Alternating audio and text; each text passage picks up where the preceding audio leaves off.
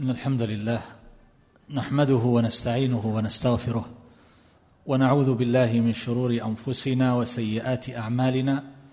من يهده الله فلا مضل له ومن يضلل فلا هادي له وأشهد أن لا إله إلا الله وحده لا شريك له وأشهد أن محمدا عبده ورسوله صلى الله وسلم وبارك عليه وعلى آله وصحبه أجمعين. أما بعد فمرحبا بكم معاشر الإخوان والأخوات وأسأل الله تبارك وتعالى أن يتقبل منا ومنكم الصيام والقيام وأن يعيننا على ذكره وشكره وحسن عبادته. حديثنا في هذه الليلة أيها الأحبة عن أحكام الاعتكاف وحكمه وغاياته وآدابه. فما حقيقة هذا الاعتكاف؟ الاعتكاف أيها الأحبة يرجع في معناه في كلام العرب إلى معنى واحد وهو المقامة والحبس. بمعنى أن تقبل على الشيء بحيث لا تنصرف عنه. فهو بمعنى ملازمة الشيء. وحبس النفس عليه برا كان أو إثما. فالله تبارك وتعالى يقول على قوم يعكفون على أصنام لهم. أتوا على قوم يعكفون على أصنام لهم. فهؤلاء يعكفون على الإشراك. وهكذا في قوله تبارك وتعالى في البر وأنتم عاكفون في المساجد ولا تباشروهن وأنتم عاكفون في المساجد. فإذا ملازمة الشيء يقال له اعتكاف. ايا كان هذا الذي لازمته. ولكن هل ورد تحديد عن الشارع للاعتكاف يرتفع به الخلاف في تفاصيل يأتي الإشارة إليها إن شاء الله تبارك وتعالى.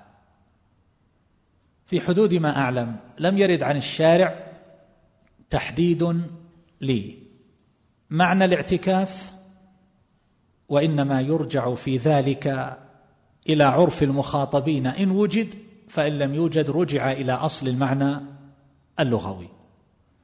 فإذا عرفنا أن الاعتكاف بمعنى لزوم الشيء والإقبال عليه فيقال إن الاعتكاف الشرعي هو لزوم المسجد بنية القربة بنية التقرب إلى الله تبارك وتعالى لزوما يصدق عليه في العرف أنه اعتكاف بمعنى أنه مكث طويل في العرف. وهذا في ما أظن والله تعالى أعلم وسط بين طرفين. بين قول من قال بأن الاعتكاف يكون ولو بلحظة كما قال بعض الفقهاء. قالوا لو أنه مر بالمسجد ونوى الاعتكاف وهو يمشي فإن ذلك يكون اعتكافا. وهذا فيه مبالغة والله تعالى أعلم. ولا يقال لمثل هذا إنه معتكف وعاكف على كذا.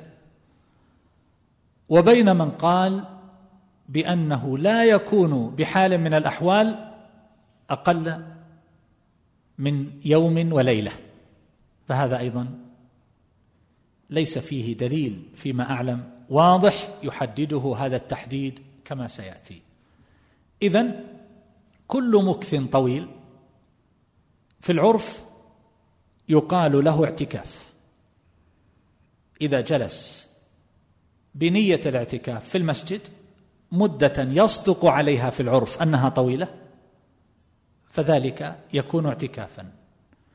فلو جاء من بعد صلاة العصر وجلس حتى صلى المغرب والعشاء والتراويح ثم خرج فهذا مكث طويل في العرف.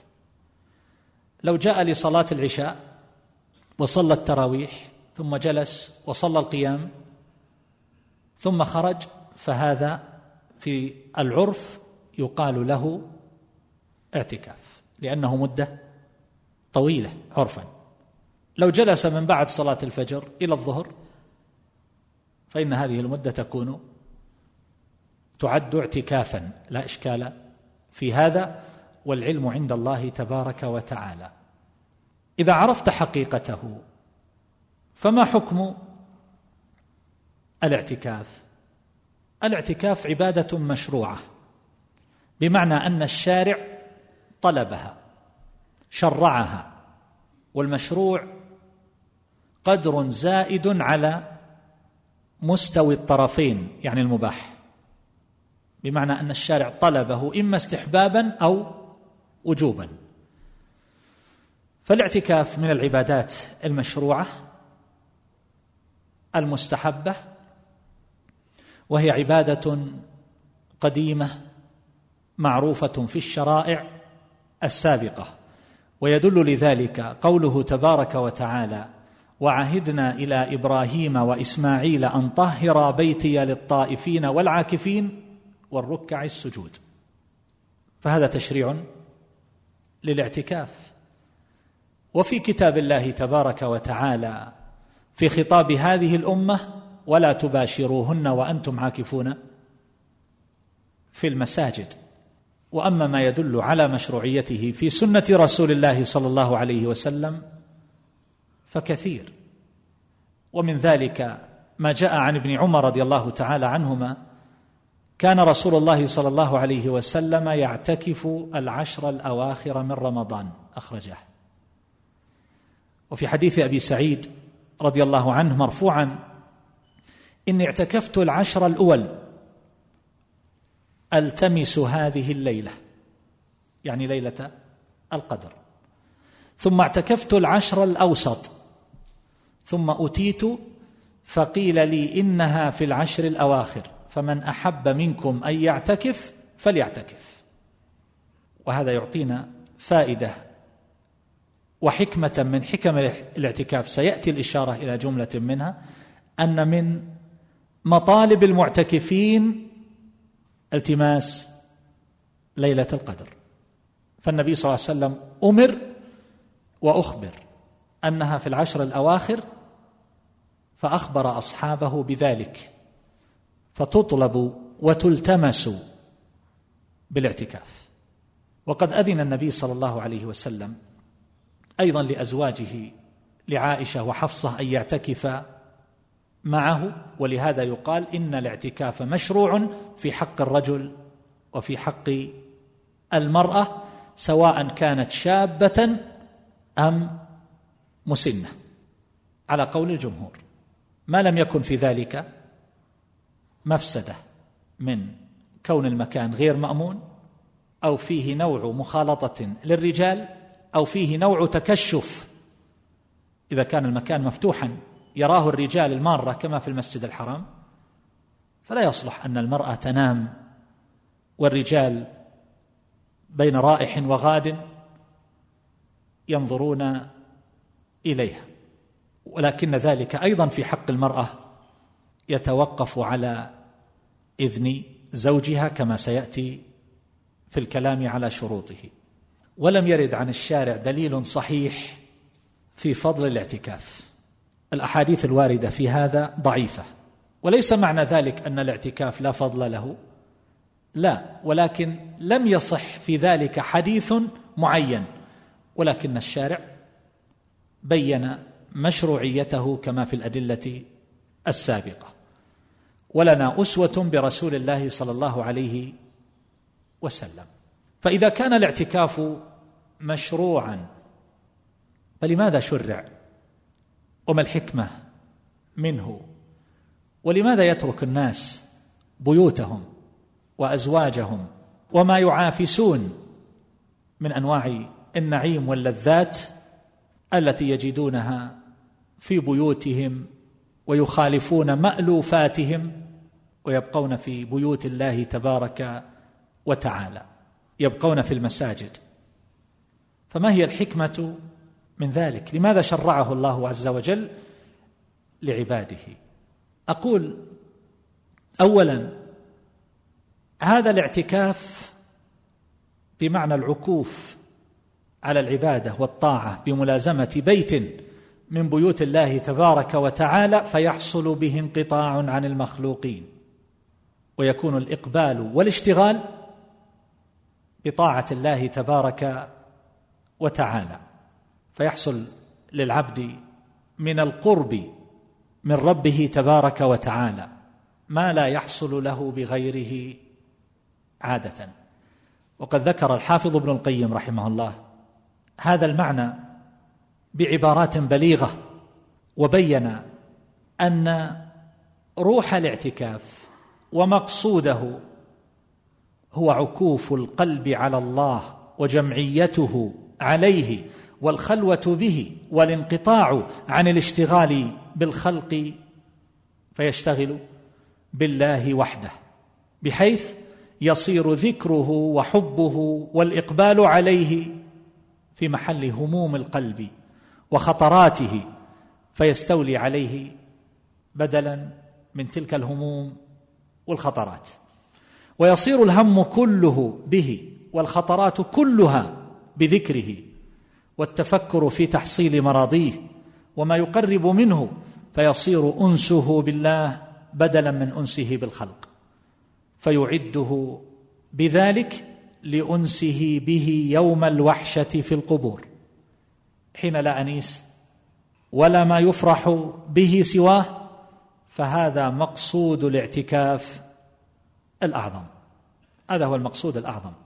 فإذا حصل معه الصيام فإن ذلك يكون فيه الجمع بين فطام بين فطام النفس عن مألوفاتها من الخلطة والاجتماع والمؤانسة والمعافسة للناس والأهل والزوجات مع فطام النفس عن الأكل والشرب والجماع.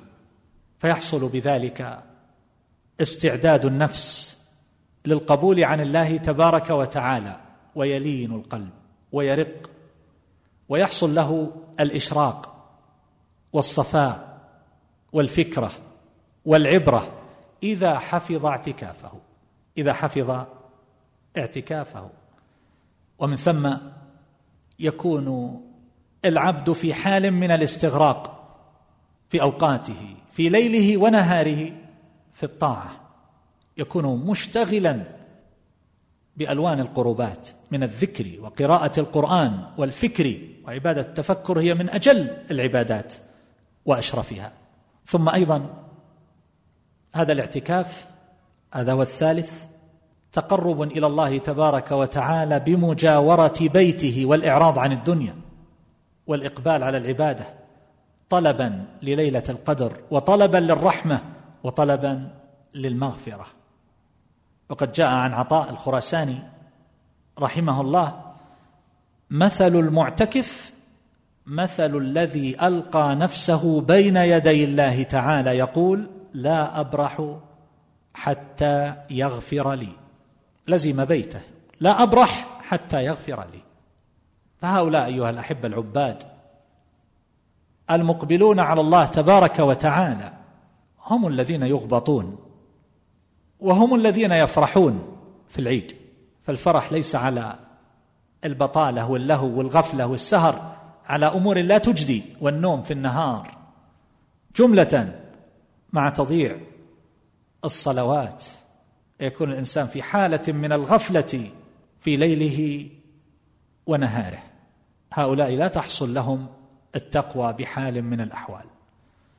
المقصود أيها الأحبة أن العبد بهذا الاعتكاف يحصل له من حضور القلب وصفاء الذهن من اجتماع الفطامين الفطام عن شهوات البطن والفرج والفطام عن أمور أخرى من الخلطة والمؤانسة وما إلى ذلك.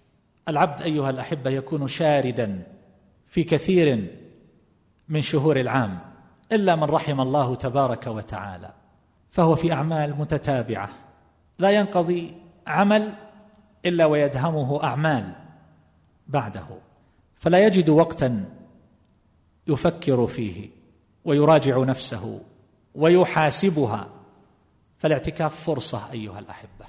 ولذلك أقول لمن وفقه الله تبارك وتعالى لهذه العبادة عليه أن يستشعر جملة من الأمور. اوجزها في في نقاط سريعة. اولا منذ البداية أن يستشعر نية طلب ليلة القدر. منذ دخوله في الاعتكاف يطلب ليلة القدر. ثانيا بما أن هذا الاعتكاف هو انقطاع إلى الله تبارك وتعالى اذا يحسن أن يعتكف الإنسان وحده أن يعتكف وحده. فهذا أقرب إلى تحقق المقصود وانتفاع العبد من هذا الاعتكاف.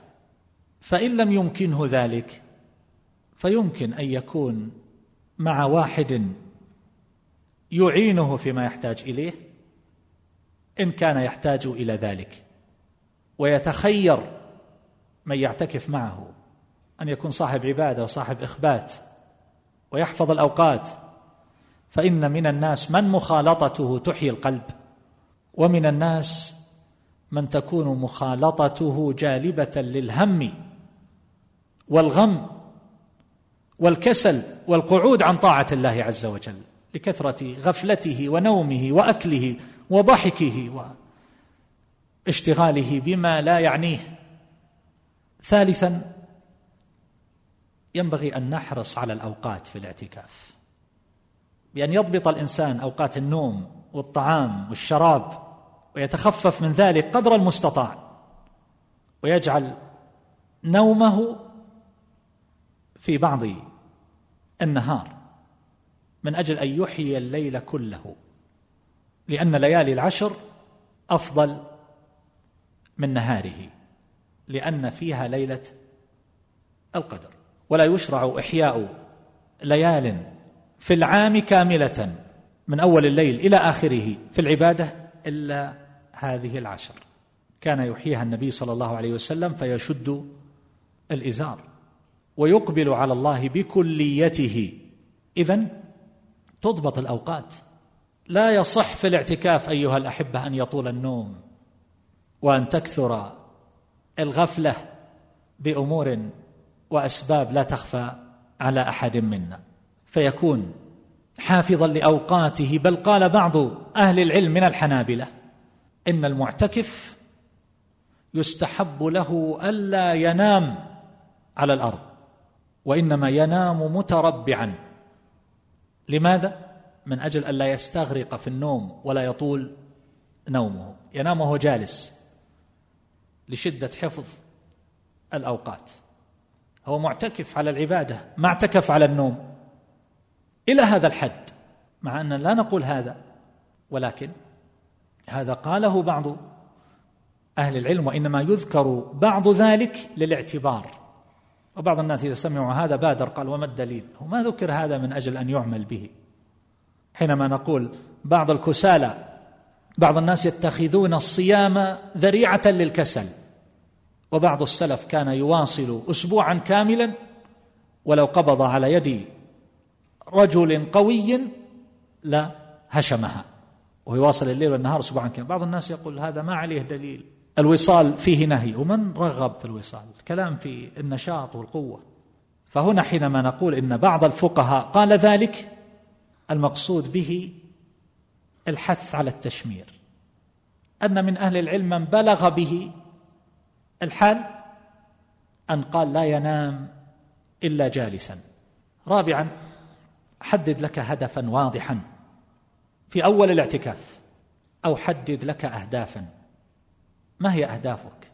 كم ختمة ستختم في هذا الاعتكاف؟ كيف ستختم؟ كم ستصلي في ليلك ونهارك؟ كيف تستغرق الأوقات؟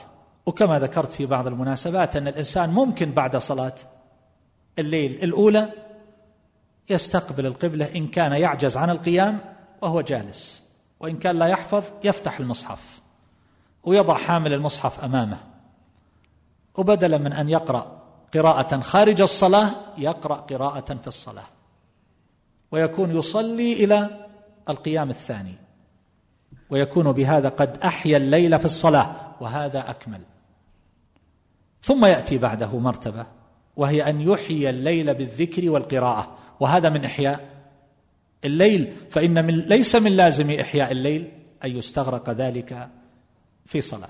لكن قراءة القرآن في الصلاة لا سيما في صلاة الليل أفضل كما نبه على ذلك شيخ الإسلام وغيره من أهل العلم. الأمر الخامس إذا وفقك الله عز وجل لهذه العبادة. فإن هذا يعني إن شاء الله أنك وفقت لعبادة ليست مجالا للمعاصي. في المسجد لا يرى في الغالب منكرات ولا يسمع المنكرات ولا يعافس المنكرات وهذا لا يكاد يوجد في العبادات الأخرى. إذا ذهب الإنسان للحج يرى من الناس أشياء وأشياء. من أنواع المخالفات المنكرة سواء كانت من قبيل البدع أو غير ذلك من التبرج وغيره. والكلام اللغو والمخاصمات التي تسمعها هنا وهناك في الحج. بينما في الاعتكاف الناس مشغولون بمصاحفهم. فيسلم هذه المدة عشرة أيام بلا منكرات. سادسا تذكر أن الله قد حباك بهذا الشرف أنك في بيت من بيوته تلازمه. أحب البقاع إلى الله تبارك وتعالى قد جلست فيها في أشرف ليالي العام. فهذا فضل من الله عز وجل ينبغي أن تطيب به النفوس وأن يستبشر العبد به ويفرح ويغتبط ويسأل ربه تبارك وتعالى القبول. سابعا. المعتكف أيها الأحبة لا يزال في عبادة متصلة في هذه العشر. فنومه عبادة لأنه في النوم معتكف. واستيقاظه عبادة وأكله عبادة وخطواته في المسجد عبادة فقيامه وقعوده واشتغاله كل ذلك من قبيل العبادة. بقاؤه في المسجد عبادة سواء كان في حال نوم أو في حال يقظة فهو معتكف في ساعات ليله ونهاره فالوقت كله مستغرق في العبادة فهو كالمحرم من هذه الحيثية. ثم أيضا ينبغي أن نتذكر منة الله عز وجل علينا إذا وفقنا لهذه العبادة أن حرمها كثيرين ممن لم يرفع بذلك راسا؟ أو حال دون ذلك أشغال أو علل وأمراض لم يستطع معها الاعتكاف. فالله قد هداك لهذا ووفقك له.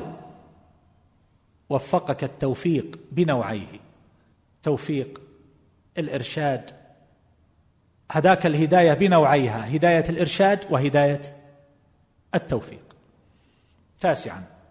الاعتكاف فرصة للتفكر والمراجعة والمحاسبة فينظر الإنسان في أعماله وما قدم لآخرته وما هو عليه من صلاح الحال والاستقامة ولزوم الصراط المستقيم ويتلمس مواطن التقصير فيرجع على نفسه بالإصلاح والتقويم. ولا يبقى سادرا في غفلته حتى يوافي الأجل. عاشرا إذا كان الاعتكاف في حقيقته وعكوف القلب على الرب تبارك وتعالى كما قال بعض أهل العلم فإن هذا المعنى ينبغي أن يلاحظ. وقد يتحقق لبعض الناس في أيام قليلة من هذا المعنى ما لا يتحقق لآخر في العشر كلها. فبعض الناس قد يخرج من الاعتكاف وما حصل له شيء من هذا المعنى. عكوف القلب على الرب جل جلاله وتقدست أسماؤه. الحادي عشر نحن في هذه الأيام نعيش ثورة الاتصالات كما تعلمون وقد أشغلت كثيرا بأنواعها المختلفة. حتى صار الناس لربما يجتمعون في المجلس الواحد ولا يكون بينهم وصال ولا حديث. اللهم إلا عبر هذه الأجهزة. ولربما أثر ذلك على قراءتنا للقرآن في مثل هذه الأيام. بالإضافة إلى متابعة الأخبار هنا وهناك وما يعرض في القنوات من قضايا تتعلق بهموم الأمة ومصائبها وآلامها. فهذا يستغرق أوقاتا طويلة من الليل والنهار.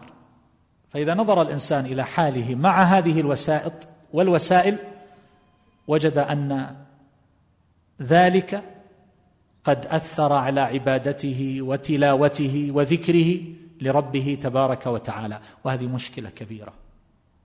ولو عملت دراسة مقارنة بين حال الناس مثلا قبل عشر سنوات وحال الناس الآن من جهة القراءة في رمضان ولزوم المساجد وما إلى ذلك لوجدنا الفارق كبيرا.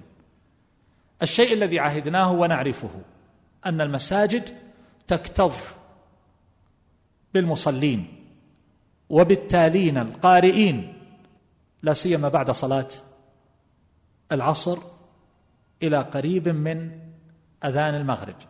أما الآن فلا تكاد تجد إلا الأفراد. على كل حال أقول الاعتكاف فرصة للتفرغ من هذه الوسائل والأجهزة من أجل تصفية القلوب وإقبالها على ربها وخالقها تبارك وتعالى. أعطي نفسك إجازة عشرة أيام في السنة. أفضل أيام وليالي العام. أما أن نأتي بهذه الأجهزة والوسائط معنا في اعتكافنا فإن هذا يؤثر ولا بد ولا يكون ذلك من قبيل الانقطاع للطاعة والعبادة. لا يحصل به عكوف القلب على الرب تبارك وتعالى. كيف؟ إذا حصل مع هذا للأسف أن بعضنا لربما يلعب أنواع الألعاب وهو في المسجد بهذه الأجهزة وهو معتكف. يقضي الساعات طويلة يلعب. بين القيام والتراويح يلعب بعد العصر يلعب. هذا لا يقال له اعتكاف ولا يصلح أيضا ويتناسب مع حرمة المسجد. وفرق بين وقوع أمور عارضة في زمن النبي صلى الله عليه وسلم لا سيما مما يتقوى به على الجهاد كرمي الحراب مما وقع من الحبشة وأقرهم النبي صلى الله عليه وسلم عليه وبين هذه الألعاب التي لا تورثه نفعا في هذه الأجهزة.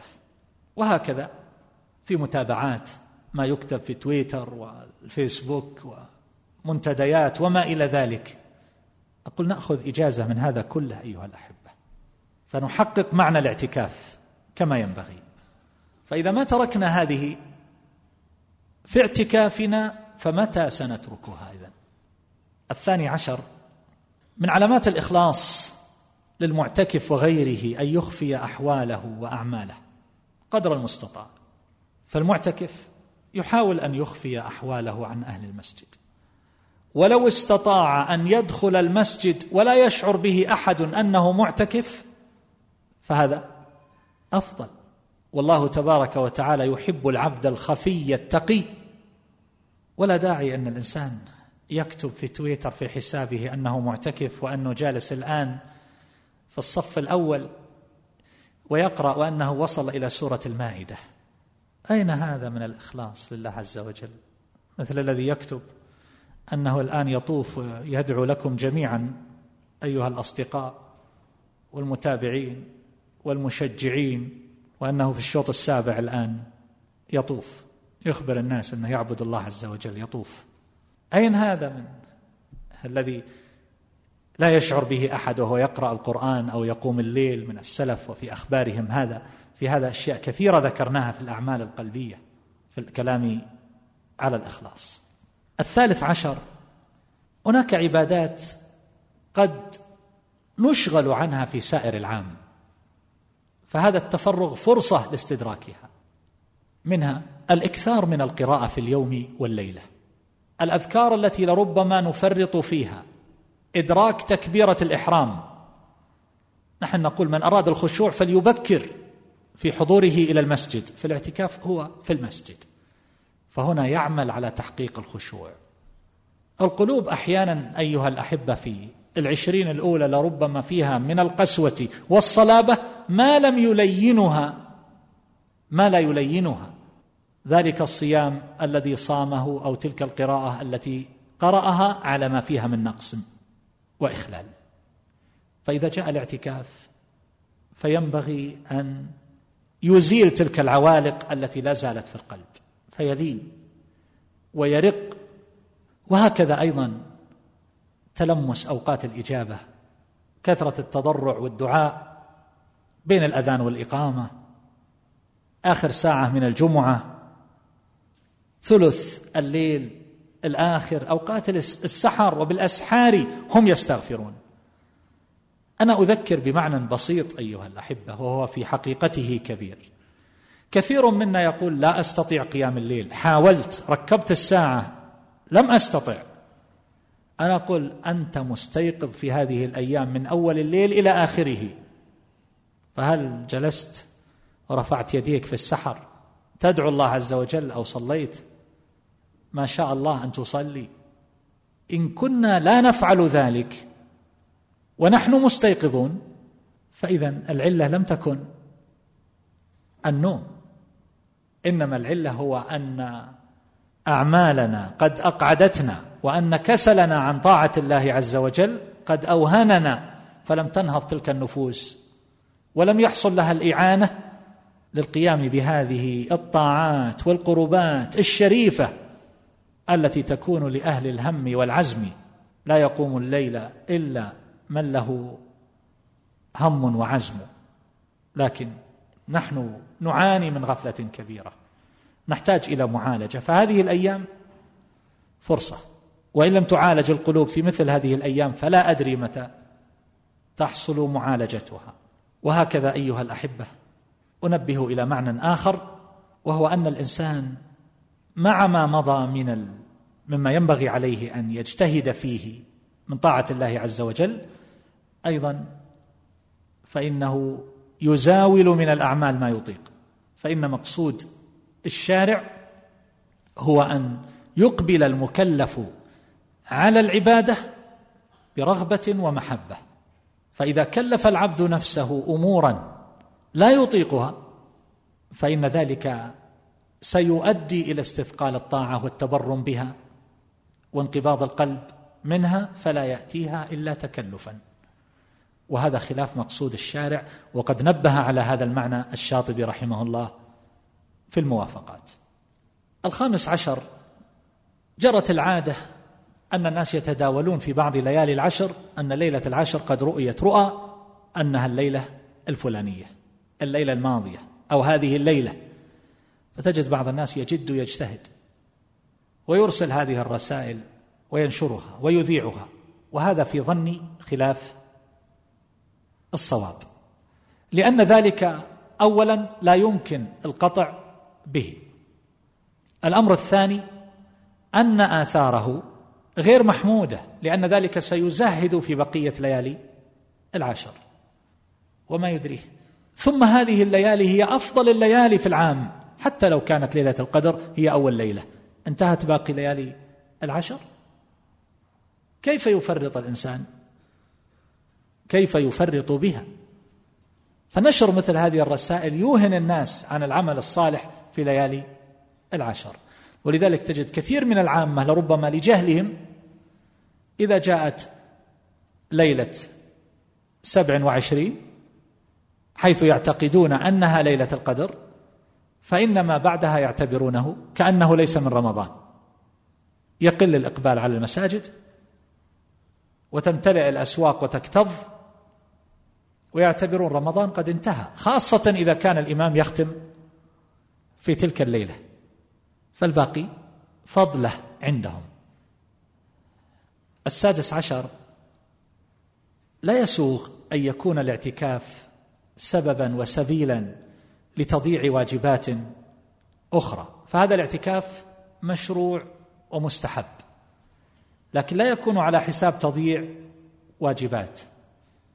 من القيام على الأبوين حال الحاجة أو القيام على الأهل والأولاد إن كان الحال يتطلب ذلك فلا يضيع أولاده لربما لا يقومون لصلاة الفريضة. ويجمعون الصلوات في النهار وهو معتكف. أو لربما لا يصلون ولربما يخالطون الأشرار ويفعلون الموبقات وهو معتكف. فهؤلاء قد لا تستطيع أمهم السيطرة عليهم. فلا بد من رجل يوجههم ويأمرهم وينهاهم. مثل هذه الأمور لا بد من مراعاتها. وفي الحديث كفى بالمرء اثما أن يضيع من يقوت وهكذا إذا كانوا يحتاجون إلى من يقوم عليهم في شؤون أقواتهم وأرزاقهم وحاجاتهم الدنيوية. فإنه ينبغي أن يقوم عليهم فلا يضيع أهله. هذه جملة أيها الأحبة من الأمور التي ينبغي أن نلاحظها وأن نستشعرها. بعد ذلك أنتقل إلى بيان مجمل لهدي النبي صلى الله عليه وسلم في الاعتكاف. كما نعلم أيها الأحبة أن النبي صلى الله عليه وسلم اعتكف اولا في العشر الأولى من رمضان يتلمس ليلة القدر ثم اعتكف الوسطى ثم أخبر أنها في العشر الأواخر فاعتكف في العشر الأواخر صلى الله عليه وسلم. ومرة ترك الاعتكاف في العشر الأواخر فقضى ذلك في شوال لأن عمله صلى الله عليه وسلم كان يداوم عليه ولو كان مستحبا. ولما كان العام الذي قبض فيه اعتكف صلى الله عليه وسلم عشرين يوما كما في الصحيح. وقد تفاوتت أقوال أهل العلم في توجيه هذا الاعتكاف في عشرين يوما. فبعضهم حمل ذلك على طلب المزيد من أجل مدارسة جبريل النبي صلى الله عليه وسلم القرآن فإنه عارضه بذلك مرتين في العام الذي قبض فيه في رمضان. وبعضهم قال غير ذلك والأقرب الله تعالى أعلم أن النبي صلى الله عليه وسلم كان قد سافر في العام الذي قبله في ذلك الوقت ولم يعتكف كما أخرج أبو داود والنسائي وغيرهما من حديث أبي بن كعب رضي الله عنه أن النبي صلى الله عليه وسلم كان يعتكف العشر الأواخر من رمضان. فسافر عاما فلم يعتكف فلما كان العام المقبل اعتكف عشرين. وكان صلى الله عليه وسلم يأمر بخباء يعني بخيمة فيضرب له في المسجد فيمكث فيه يخلو فيه عن الناس. واعتكف مرة في قبة تركية عليه الصلاة والسلام وجعل على بابها حصيرا. كل هذا كما يقول الحافظ ابن القيم رحمه الله تحصيلا لمقصود الاعتكاف وروحه. يقول ابن القيم عكس ما يفعله الجهال من اتخاذ المعتكف موضع عشرة ومجلبة للزائرين يأخذون بأطراف الحديث فيما بينهم. يقول فهذا لون والاعتكاف النبوي لون آخر. ولذلك أقول بأن من الناس من يكون له من الأنس في الاعتكاف ما لا يكون له من الأنس في غيره. وليس المقصود الأنس بالإقبال على الله عز وجل وإنما الأنس الآخر الذي يكون بالمخالطة. فيأتي مع مجموعة من أصحابه وزملائه ويقضون الوقت في الحديث فيما بينهم والمؤانسة وما إلى ذلك فيكون كأنه في رحلة كأنه في نزهة. وهذا خطأ هذا خلاف مقصود الاعتكاف. فتجد أن هذا الإنسان لا يلتذ بالطاعة ويقبل عليها وينشط فيها وإنما هو يلتذ بالجلوس مع زملائه والمحادثة فيما بينهم. على كل حال كان النبي صلى الله عليه وسلم إذا اعتكف يمكث في المسجد فلا يخرج إلا لحاجة الإنسان. كما جاء عن عائشة رضي الله تعالى عنها وكان لا يدخل البيت إلا لحاجة إذا كان معتكفا. هذا في الصحيحين وعند مسلم إلا لحاجة الإنسان. وفسرها ابن شهاب الزهري بالبول والغائط. وكان صلى الله عليه وسلم أيضا يعتني بالنظافه في الاعتكاف فالاعتكاف لا يكون سببا وعذرا في ترك التنظف. فإن الله يحب التوابين ويحب المتطهرين. فكان يخرج رأسه صلى الله عليه وسلم من المسجد إلى حجرة عائشة. فتغسل رأسه وتسرحه. وهذا معنى الترجيل. فقد جاء في بعض ألفاظه يصغي إلي رأسه وهو مجاور في المسجد.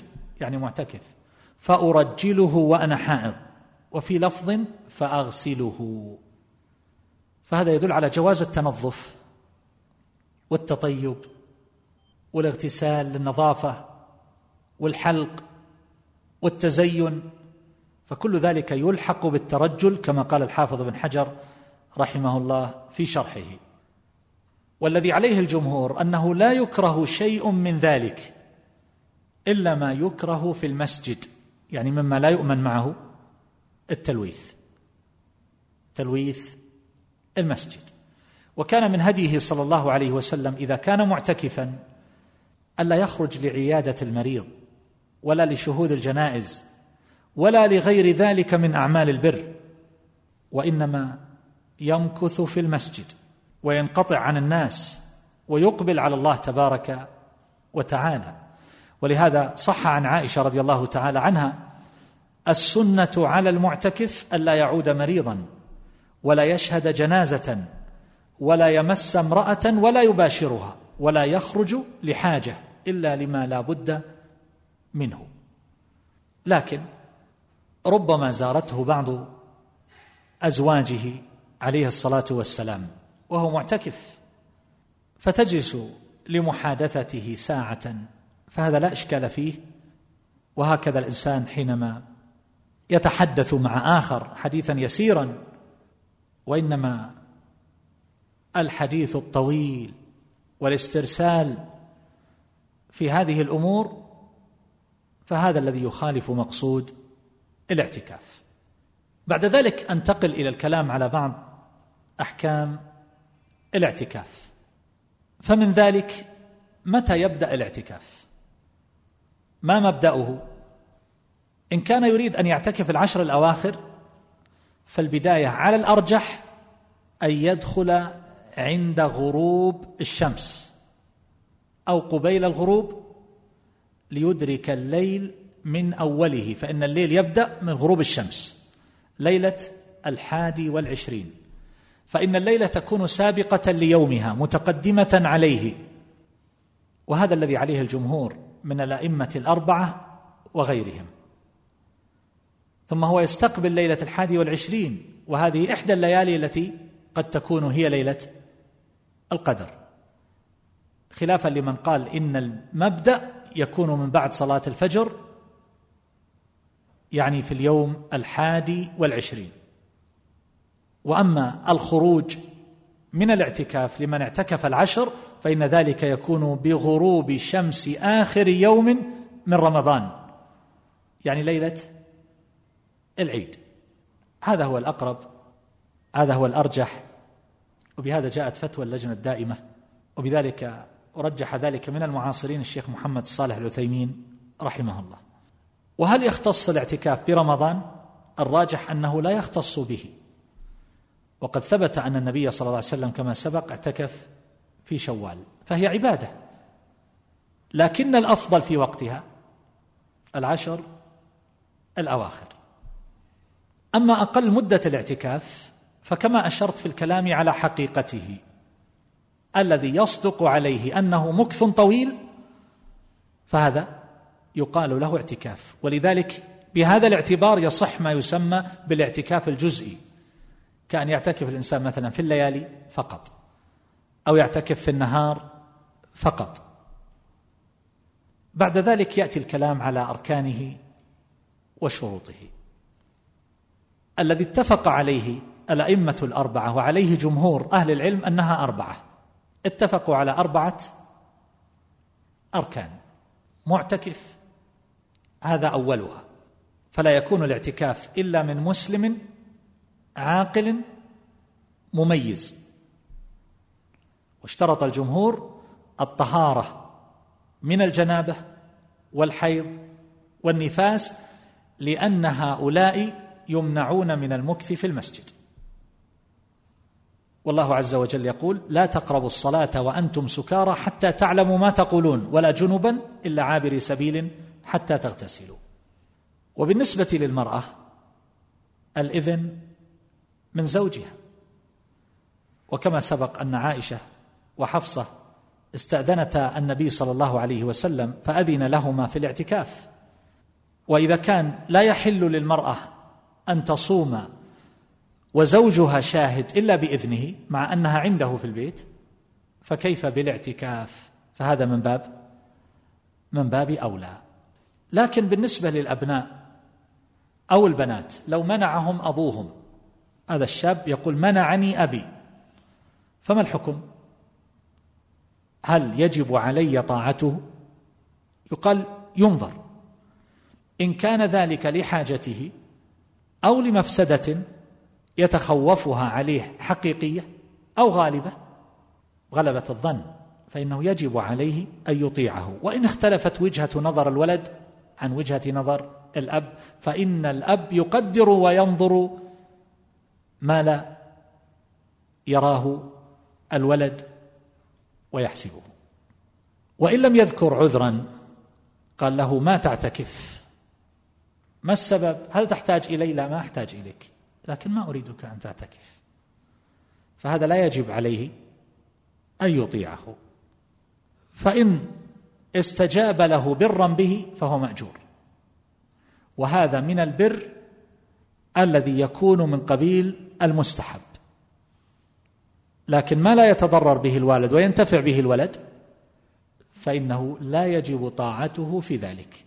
سواء كان ذلك في أمور القربات أو في الأمور الدنيوية في مصالح الولد. لكنه من البر المستحب وليس من البر الواجب. هذا بالنسبة للمعتكف. الثاني وهو المعتكف فيه هذا الركن الثاني المعتكف فيه. أين يكون؟ لا بد من المسجد. وقد نقل على هذا جماعة من أهل العلم الإجماع أنه لا اعتكاف إلا في المسجد والله عز وجل يقول ولا تباشروهن وأنتم عاكفون في المساجد.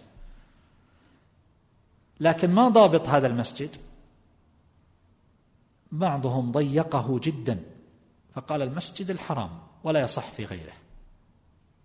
وهكذا قول من قال في المسجدين أعني المسجد الحرام والمسجد النبوي. وقول من قال الثلاثة يعني مع المسجد الأقصى. إلى قول من قال إنه يصدق على كل مسجد ولو لم تقم به الجماعة. إلا إن كان يتخلله جمعة فإنه يعتكف في جامع من أجل أن لا يخرج. هذا عند من لا يرون وجوب صلاة الجماعة. فالأقرب والله تعالى أعلم أن أنه يصح الاعتكاف في المساجد التي تقام فيها الجماعة. ولو كان يتخلل الاعتكاف ولو كان يتخلل الاعتكاف جمعة فإن خروجه للجمعة لا يبطل الاعتكاف. يكفي أن يكون مسجد جماعة وقد عزى هذا شيخ الإسلام ابن تيمية رحمه الله عزى هذا القول لعامة التابعين. بل قال إنه لم ينقل عن صحابي خلاف هذا إلا من خصه في المساجد الثلاثة. وعلى هذا جرت فتوى اللجنة الدائمة أنه يصح في مسجد الجماعة ولا يشترط أن يكون مسجد جمعة فضلا عن الاشتراط المساجد الثلاثة.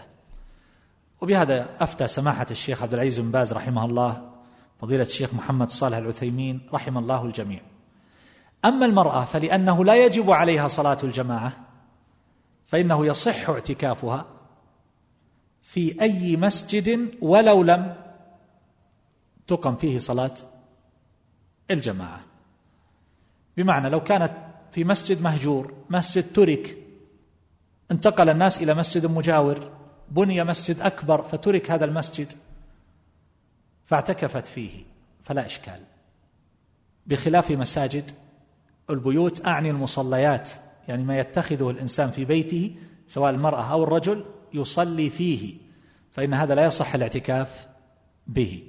مصليات في داخل البيوت. وأما حديث الاعتكاف إلا في المساجد الثلاثة الحديث المروي عن حذيفة رضي الله تعالى عنه ففيه كلام كثير لأهل العلم. فهذا الحديث روي مرفوعا إلى النبي صلى الله عليه وسلم وروي موقوفا. ورجح جمع من أهل العلم الوقف وأنه من كلام حذيفة واجتهاده وليس من كلام النبي صلى الله عليه وسلم. وجاء في بعض ألفاظه لا اعتكاف إلا في مسجد جماعة ولم يحصر ذلك في المساجد الثلاثة. فهذا التردد في الحديث بين الوقف والرفع والتردد في لفظه. أيضا حمل طوائف من أهل العلم منهم ابن حزم رحمه الله على القول بأن ذلك لا يمكن معه القطع بهذا الحديث أنه عن رسول الله صلى الله عليه وسلم.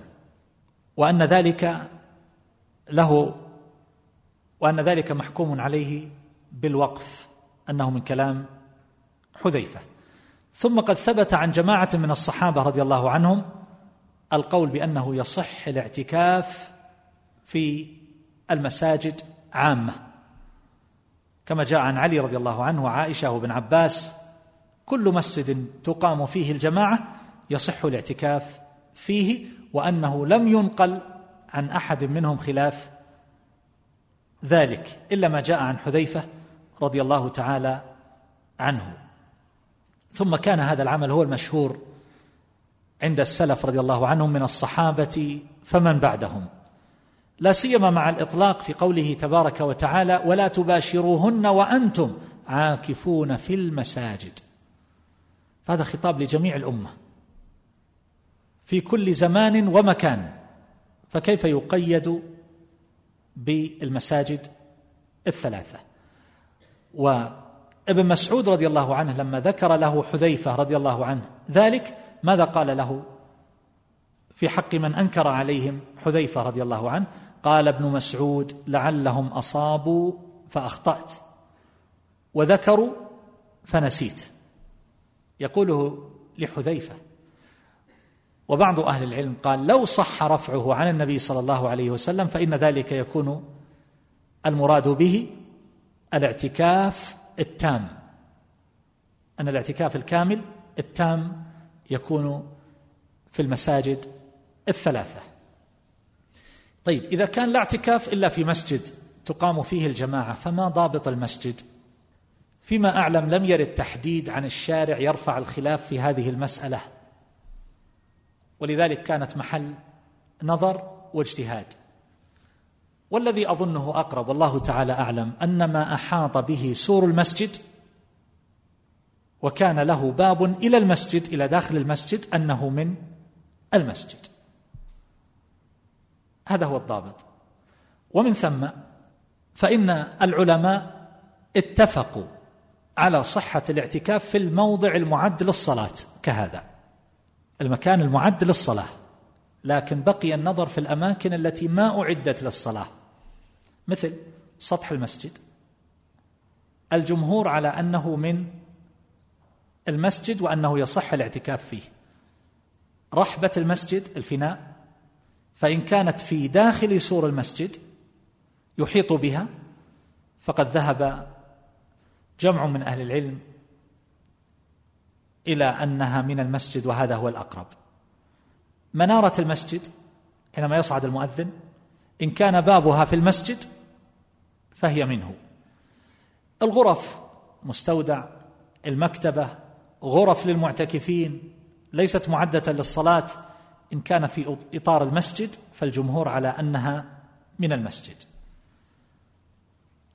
والشيخ محمد الصالح العثيمين رحمه الله سئل عن مثل هذه الغرف غرف غرفة للجنة الزكاة وغرفة لأغراض أخرى.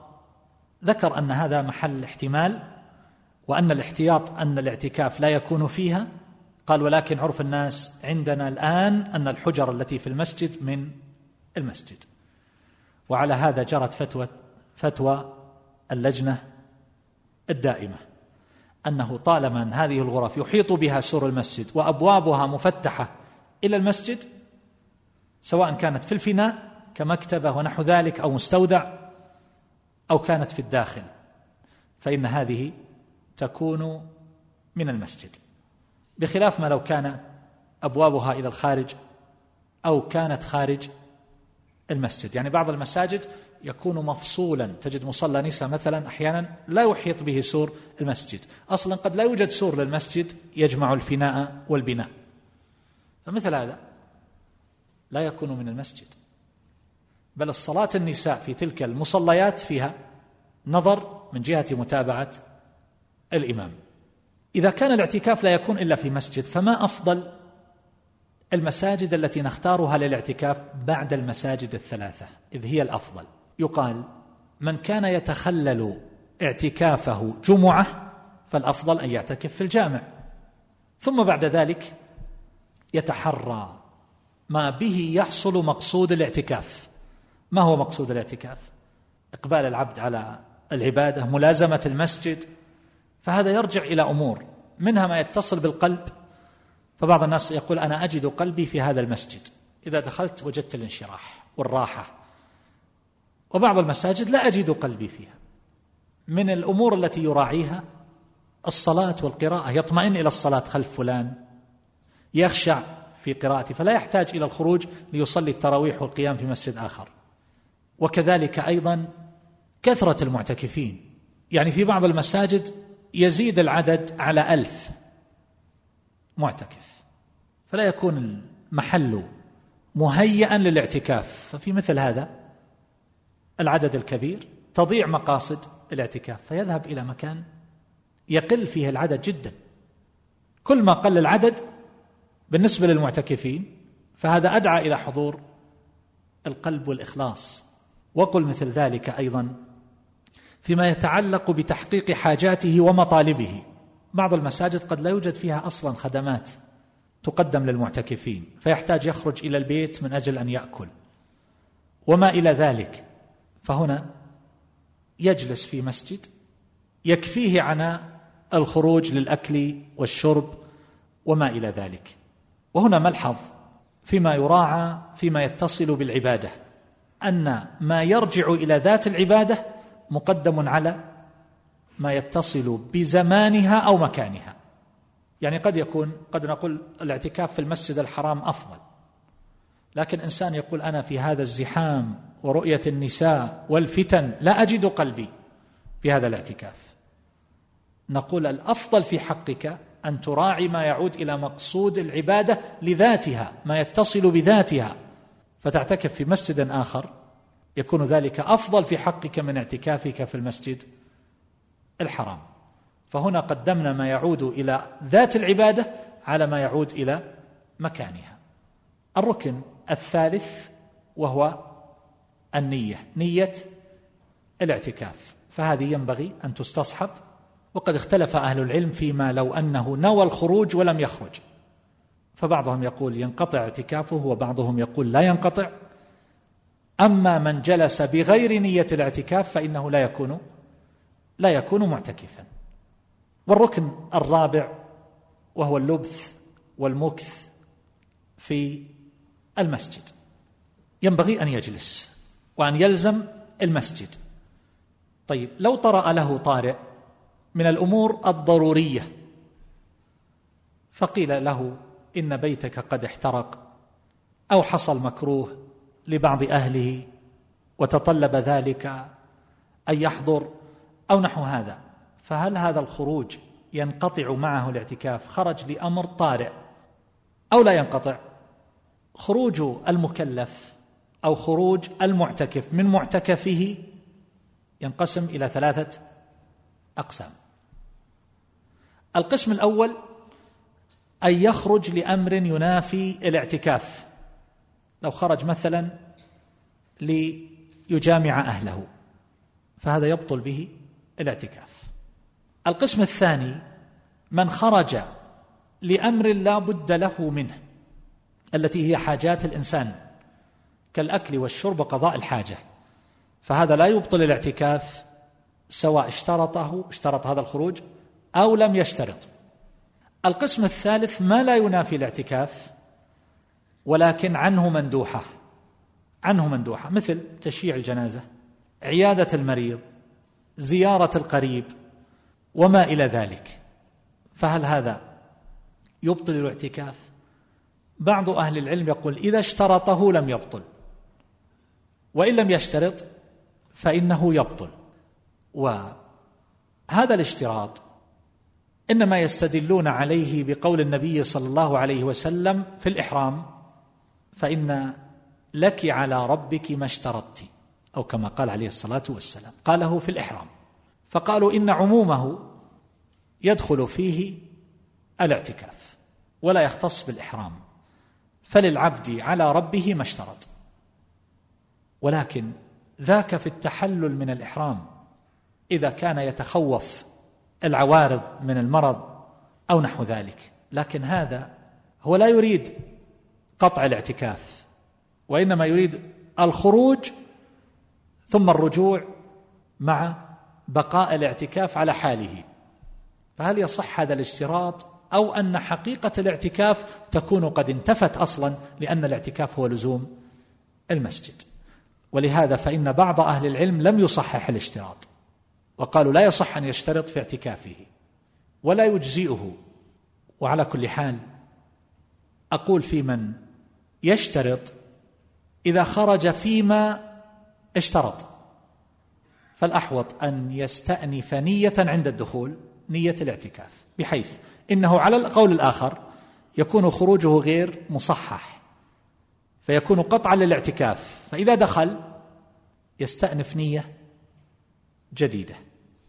احتياطا. احتياطا للعبادة. والله تعالى أعلم. لكن هذا الذي خرج لهذا الأمر الطارئ. فبعض أهل العلم يقول إن اعتكافه لا يبطل لأنه مضطر إلى ذلك. فيخرج ثم يرجع. وهذا ذكره الشيخ محمد صالح العثيمين رحمه الله. ولكنه قال ولو قيل بالبطلان فإنه يكون قد خرج من مستحب إلى واجب من مستحب إلى واجب. وعلى كل حال إذا خرج المعتكف من أجل إيقاظ أهله للسحور وصلاة الفجر لعدم وجود من يوقظهم لهذا. نحن طبعا نفترض أنه يمكن الاتصال لكن لو قلنا ما عندهم أو ما يستيقظون على صوت الهاتف أو اتصل وما رد أحد فما الحكم؟ جاء في فتوى اللجنة الدائمة أن هذا الخروج لإيقاظ أهله لعمل السحور أو ليتسحروا أو من أجل أن يقوموا لصلاة الفجر أنه لا يبطل الاعتكاف. ولا يؤثر فيه وأن هذا من التواصي على الخير والأمر بالمعروف والنهي عن المنكر وأن ما لا يتم الواجب إلا به فهو واجب. لكن على كل حال لو أنه احتاط لذلك قبل أن يعتكف اتفق معهم على أمر يوقظهم به يسمعونه يستيقظون به دون أن يخرج. فإن مثل هذا الخروج قد يؤثر على اعتكافه. قد يؤثر على اعتكافه. وهكذا لو أنه خرج مثلا لموعد في المستشفى هل له ذلك؟ عند من يقول بالاشتراط يقول إن اشترط فلا إشكال. وإن لم يشترط أو عند من لا يصحح الاشتراط أصلا فقد أفتى بعض أهل العلم كالشيخ محمد صالح العثيمين رحمه الله أن ذلك لا يقطع عليه اعتكافه. لا يقطع عليه الاعتكاف. وعلى كل حال الأحوط في حق هذا أنه إذا رجع إلى المسجد أن ينوي أن يستأنف النية ينوي نية جديدة عند دخوله المسجد يحتاط لعبادته. وعلى كل حال السنة ألا يخرج المعتكف من معتكفه إلا لحاجة الإنسان هذا المشروع هذا الواجب. فلا يخرج لقضاء حوائج أهله ولا لشهود الجنازة ولا يذهب إلى عمله خارج المسجد. لحديث عائشة السابق قالت السنة على المعتكف ألا يعود مريضا ولا يشهد جنازة ولا يمس امرأة ولا يباشرها ولا يخرج إلا إلى ما لا بد منه. وعلى هذا جاءت فتوى اللجنة الدائمة. هل له أن يخرج ليغتسل للتنظف؟ ليس لغسل مشروع كغسل الجمعة أو غسل واجب اتفاقا كغسل الجنابة وإنما خرج للتنظف من عادته أن يغتسل كل يوم للتنظف. هل له أن يخرج؟ هل هذا يعذر بمثله. أفتى بذلك الشيخ عبد الله الجبرين رحمه الله أنه له أن يخرج ليغتسل للتنظف إن كان له عادة في ذلك كل يوم فلا بأس إن كان في كل يومين فلا بأس وهكذا. ولكنه يبقى المدة التي يحتاج إليها يعني بعض الناس يسترسل في الخروج فيطول ولربما يقف مع أناس عند باب المسجد أو في دورات المياه عزكم الله عند المواضي ويتحدث فمثل هذا قد يبطل اعتكافه وهذا شيء مشاهد ويتكرر وبعض الناس يخرج خارج المسجد ويتصل بالتلفون ويطيل الحديث فهل من أعذار الخروج أن يخرج الإنسان ليتصل؟ فهذا أمر يتكرر مشاهد فينبغي أن يحترز منه. لكن إذا كان الخروج إلى دورات المياه أعزكم الله. ويوجد في المسجد دورات مياه للنساء مثلا. فهل يقال يتعين عليه أن يذهب إلى الدورات التي في داخل المسجد ولا يخرج خارج المسجد؟ هو مهما وجد مندوحة عن الخروج فهذا هو المطلوب. فيذهب إلى دورات المياه التي في المسجد. لكن لو كان العدد كثيرا ويحصل عليهم بذلك حرج قد يتأخرون عن الصلاة. فيقال لا حرج أن يذهب إلى دورات المياه التي في خارج التي في خارج المسجد. وهل له أن يغير مكان الاعتكاف؟ اعتكف في هذا المسجد فما اطمأن قلبه. فيريد أن ينتقل إلى مكان آخر. فهذا له حالان. الحالة الأولى أن يكون قد خرج لعذر من أعذاره كالأكل والشرب وحاجة الإنسان وما إلى ذلك. فله أن يغير بهذا الخروج المعتكف يذهب إلى مسجد آخر. ولكن هل له أن يخرج من أجل أن يذهب إلى مسجد آخر. هذا الأقرب والله أعلم أنه يقطع الاعتكاف فيحتاج إذا ذهب إلى ذلك المسجد أن يستأنف بنية جديدة. وحينما نقول إنه يقطع الاعتكاف نقول إن مكث قبله مكثا يصدق عليه أنه مكث طويل فإن ذلك يكتب له أجره بمعنى أنه لا يضيع لكن يحتاج إلى نية جديدة ليكون ما يستقبل هو من قبيل الاعتكاف. على كل حال من المسائل مسألة الصيام. هل تشترط في الاعتكاف أو لا؟ هذا الإنسان الذي جلس في المسجد في غير رمضان بنية الاعتكاف. الأقرب أنه لا يشترط الصيام. وقد جاء ذلك عن علي رضي الله عنه بن مسعود جماعة من التابعين كابن المسيب عمر بن عبد العزيز وطاووس وهو قول الشافعية والحنابلة والظاهرية وبهذا أفتت اللجنة الدائمة أنه لا يشترط ولكن الأفضل أن يكون مع الصيام للعلة التي ذكرنا. أن يحصل له الانقطاع من هذا وهذا من الخلطة ومن الطعام والشراب والجماع. ولذلك ذكر الاعتكاف في ثنايا آيات الصوم. ذكر في آخر آيات الصيام. ولهذا كان الفقهاء رحمهم الله يذكرون الاعتكاف في كتب الفقه بعد بعد الصيام. وهكذا النبي صلى الله عليه وسلم اعتكف في العشر الأواخر من رمضان. بعد ذلك ما, ما الذي يستحب لهذا المعتكف أن يفعله؟ يقال بالنسبة للعبادات المحضة فإن ذلك يكون من قبيل المستحب من الذكر وقراءة القرآن والصلاة وما إلى ذلك. لكن العبادات المتعدية فهذه نوعان. نوع واجب كأمره بالمعروف ونهي عن المنكر في المسجد يعني من رأى منه منكرا أو نحو ذلك فهذا يجب عليه وهو لا يستغرق إلا زمنا يسيرا في العادة. أن يتصدق على فقير أن يعطي احدا الزكاة ليوصلها إلى مستحقيها وهكذا رد السلام والإفتاء لمن يحتاج إلى ذلك فهذا لا إشكال فيه. فإن لم يكن واجبا عليه وأداؤه يستغرق وقتا طويلا كالتدريس تعليم ونحو ذلك. فأهل العلم في ذلك على قولين. منهم يرى منهم من يرى أن هذا من قبيل المشروع ولا إشكال فيه كما يقول الأحناف والشافعية. ومنهم من كرهه إذا كان يستغرق وقتا طويلا كالمالكية والحنابلة. لاحظوا إذا كانوا كرهوا الجلوس للتعليم في وقت طويل. فكيف بالجلوس على الحديث والمؤانسة وأمور لا طائل تحتها أو الاشتغال بهذه الوسائل التي سبقت الإشارة إليها؟ النبي صلى الله عليه وسلم كما سبق تحدث مع إحدى زوجاته لما زارته في معتكفه. فهذا لا إشكال فيه. فالشيء اليسير لا يضر. ولكن النبي صلى الله عليه وسلم اعتكف في قبة تركية ووضع على سدتها على بابها حصيرا ينقطع عن الناس. ومع ذلك أطلع لهم رأسه صلى الله عليه وسلم وكلمهم. وهكذا حينما كان يخرج رأسه لعائشة رضي الله عنها فترجل رأسه.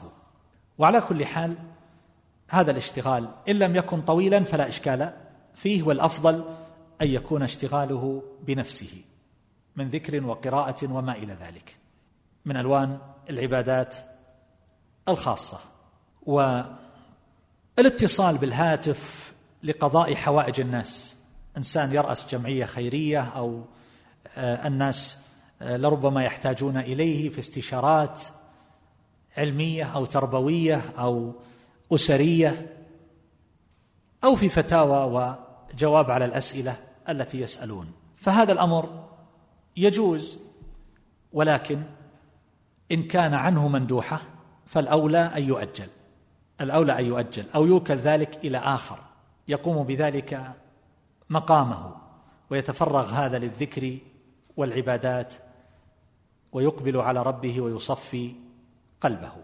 وهكذا هناك أمور مباحة كما قلنا من التزين والتنظف والترجل والله عز وجل يقول يا بني آدم خذوا زينتكم عند كل مسجد. وقد استحب بعض أهل العلم كما يقول ذلك فقهاء المالكية أن يأخذ معه ما يحتاج إليه إذا أراد الاعتكاف بحيث لا يحتاج إلى الخروج من المسجد. يأخذ الثياب التي يحتاج إليها يأخذ الطعام الذي يحتاج إليه الفراش الذي يحتاج إليه من أجل الا يخرج. وقد جاء في حديث أبي سعيد رضي الله عنه اعتكفنا مع رسول الله صلى الله عليه وسلم العشر الأوسط فلما كان صبيحة عشرين نقلنا متاعنا. فأتانا رسول الله صلى الله عليه وسلم فقال من اعتكف فليرجع إلى معتكفه نقلنا متاعنا. دل على أنهم يأتون معهم بما يحتاجون إليه. ولكن على كل حال كما سبق ينبغي أن يترك فضول الكلام والاشتغال بما لا يعنيه. وكان النبي صلى الله عليه وسلم كما في حديث عائشة رضي الله عنها إذا صلى الفجر دخل معتكفه فدل على قصده صلى الله عليه وسلم الخلوة والانقطاع عن الناس. على كل حال يباح للمعتكف الأكل والشرب في المسجد والنوم ويباح له أن يلزم بقعة بعينها يضع فيها بساطا أو نحو ذلك يرجع إليه ويأوي إليه أو يضع فيها فراشا كما وضع النبي صلى الله عليه وسلم أو كما ضربت له القبة في المسجد. فكان له مكان مخصص عليه الصلاة والسلام. وهكذا له أن يزور أو يعود آه، المريض في المسجد. لو وجد أحد من الناس في المسجد آه، يعاني من مرض فيعوده. ولو صلي في المسجد على جنازة يصلي معهم.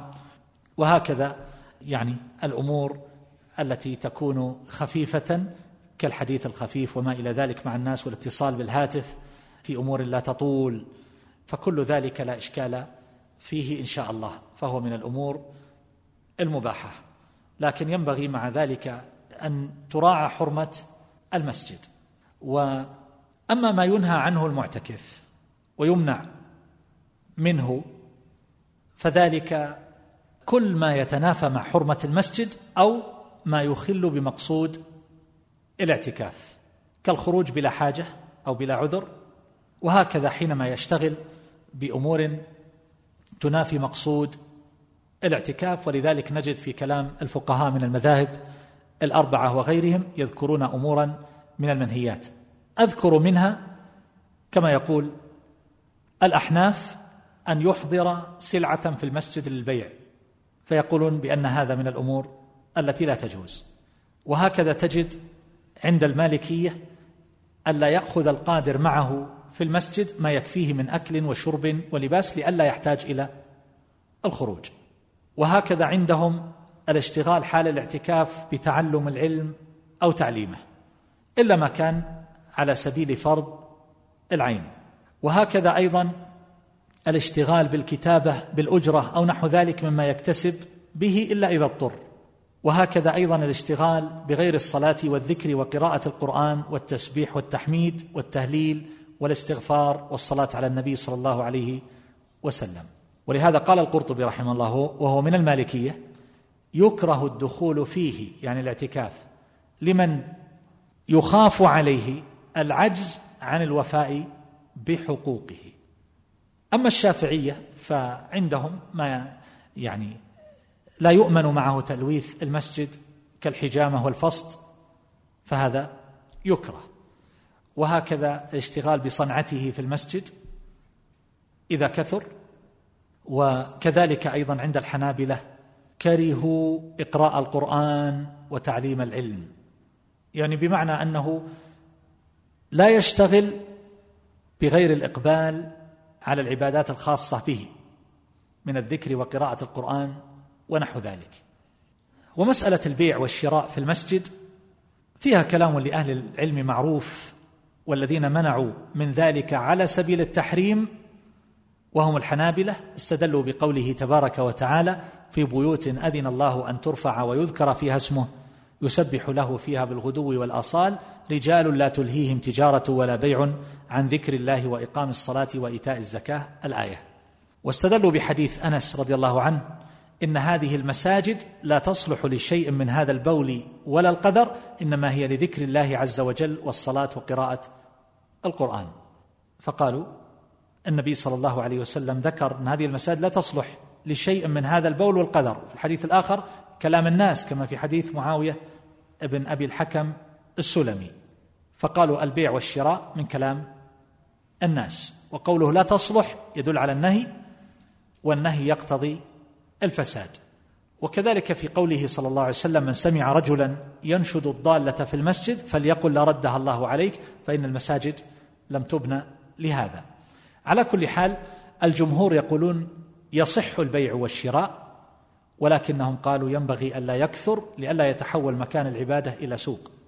لا يكثر إما بالتكرار والمزاولة المستمرة أو بأن تجلب السلع وتكثر في المسجد ويتحول المسجد إلى صورة أخرى. وعلى كل حال استدلوا على ذلك أيضا بأدلة وليس هذا موضع بسط هذه المسألة. يرد هنا سؤال معروف طيب إذا كان المعتكف يريد أن يطلب طعاما من المطعم أو نحو ذلك أو يشتري أشياء لأهله في العيد ليوصلها البائع إلى أهله أو نحو ذلك فما الحكم؟ هذا بيع وشراء.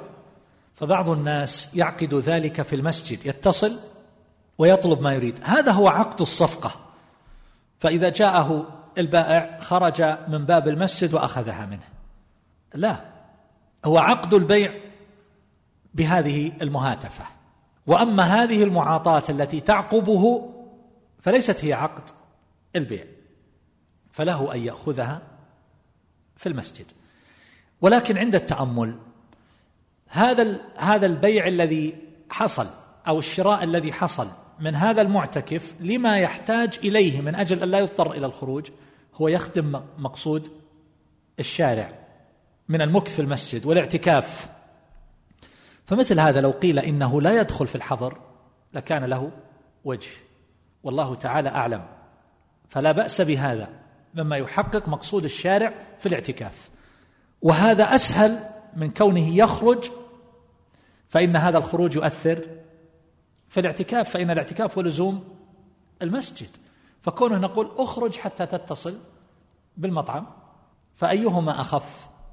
يرتكب أخف الضررين لدفع أعلاهما. واضح؟ فعندنا أمر يتعلق بالعبادة التي هو متلبس بها وعندنا أمر يتعلق بالمكان. فماذا نقدم؟ ما يتعلق بنفس العبادة. والله تعالى أعلم. لا سيما أن الجمهور يرون أن ذلك ليس على سبيل التحريم. وعلى كل حال أما مبطلات الاعتكاف فبالاتفاق الجماع ولكنهم اختلفوا فيما دون ذلك. كالمباشرة إذا أنزل فإنه يبطل أيضا وقد نقل عليه بعض أهل العلم الاتفاق. أما الاحتلام فلا يبطله لكن لو أنزل بالتفكر فإن الجمهور يقولون لا يبطل.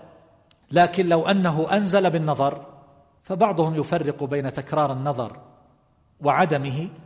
وعلى كل حال بعضهم يقول لا يفسد إلا إذا كرر النظر كما يقول الحنابلة. ولكن لو أنه استمنى فهل يبطل اعتكافه؟ الجمهور يقولون إنه يبطل وأن ذلك يخالف مقصود الاعتكاف. أما الحيض والنفاس فإن المرأة الحائض أو النفساء ممنوعة من المكث في المسجد. ولهذا ذهب الجمهور إلى أن الاعتكاف لا يبطل بالحيض والنفاس ولكنها تكون قد خرجت لعذر فتخرج إلى بيتها ثم إذا طهرت اغتسلت ورجعت إلى معتكفها وهي متصلة بنيتها الأولى. واضح؟ هذا قول الجمهور. وخلافا للأحناف الذين يرون أنه يبطل بالحيض والنفاس. ولهذا يشرع عند الجمهور أنها إذا أصابها الحيض أو النفاس خرجت إلى بيتها ثم ترجع بعد ذلك بنيتها الأولى. وعلى كل حال هنا مسائل أخرى آه، تتعلق بالنية أشرت إلى بعضها فيما لو نوى الخروج ولم يخرج فهذا منهم من يبطل يرى ذلك أنه يقطع الاعتكاف ومنهم من لا يرى قطعه به. وقل مثل ذلك أيضا في مسائل تتعلق بالنذر فإن من نذر أن يعتكف يوما فمتى يبدأ ذلك؟ فمن أهل العلم يقول من ليلته يعني من غروب الشمس في الليلة التي قبله لأن الاعتكاف عنده لا يصح إلا يوم وليلة. ومنهم من يقول من طلوع الفجر الثاني يعتكف إلى غروب الشمس. هذا بالنسبة لليوم. والأقرب الله تعالى أعلم أن يقال إن ذلك يرجع إلى نيته وقصده. فإن قصد باليوم اليوم والليلة فإنه يعتكف منذ بدء الليلة التي قبله لأن الليلة تكون سابقة لليوم. والعرب تارة تطلق الليلة وتقصد ما يعقبها من اليوم أيضا. وتطلق اليوم وتقصد مع ليلته أحيانا. وقد تعني به اليوم فقط. واضح؟ وقد تطلق الليلة وتقصد الليل فقط. فينظر في نية هذا الإنسان. لو قال نذر بأنه يعتكف ليلة فيقال بحسب نيته. لو نذر أن يعتكف يوما يقال بحسب نيته. لو نذر أن يعتكف يومين نقول بحسب نيته. فإن قصد النهار فإنه يعتكف من الفجر إلى غروب الشمس ثم يخرج ثم يأتي في اليوم الثاني. وهل يجب التتابع؟ الجواب لا إلا إذا نواه. لكن لو أنه نوى أن يعتكف عشرة أيام مثلا فإن هذا أيضا يرجع فيه إلى النية على خلاف بين أهل العلم. أقصد من جهة التتابع. وهل يلزم مع الليالي؟ أو لا هذا فيه قولان لأهل العلم. وعلى كل حال اليوم يبدأ من طلوع الفجر إلى غروب الشمس والليلة تبدأ من غروب الشمس إلى طلوع الفجر. وعلى كل حال هنا أيضا مسألة القضاء في الاعتكاف. قضاء الاعتكاف. بالنسبة للاعتكاف المستحب لا يجب قضاؤه على الأرجح ويجوز قطعه. يعني لو قطعه اعتكف يوما وما كمله. عند من يشترط أن أقل الاعتكاف يكون يوما أو يوم ليلة ما كمل. فهذا الراجح أنه لا يجب عليه أن يواصل وهو مخير لكن كون الإنسان يواصل في العبادة إلى منتهاها هذا هو الأفضل. فلو أنه قضاه فقد قضى النبي صلى الله عليه وسلم الاعتكاف لما تركه فهذا على سبيل الاستحباب. أما الاعتكاف الواجب المنذور فلو أنه تركه في اليوم الذي نذره فيه أو قطعه وأبطله فإنه يجب عليه أن يقضي ذلك. هذا بعض المسائل المتعلقة بالاعتكاف وأسأل الله تبارك وتعالى أن يفقهنا وإياكم في الدين وأن يجعلنا وإياكم هداة مهتدين. والله أعلم وصلى الله على نبينا محمد وآله وصحبه.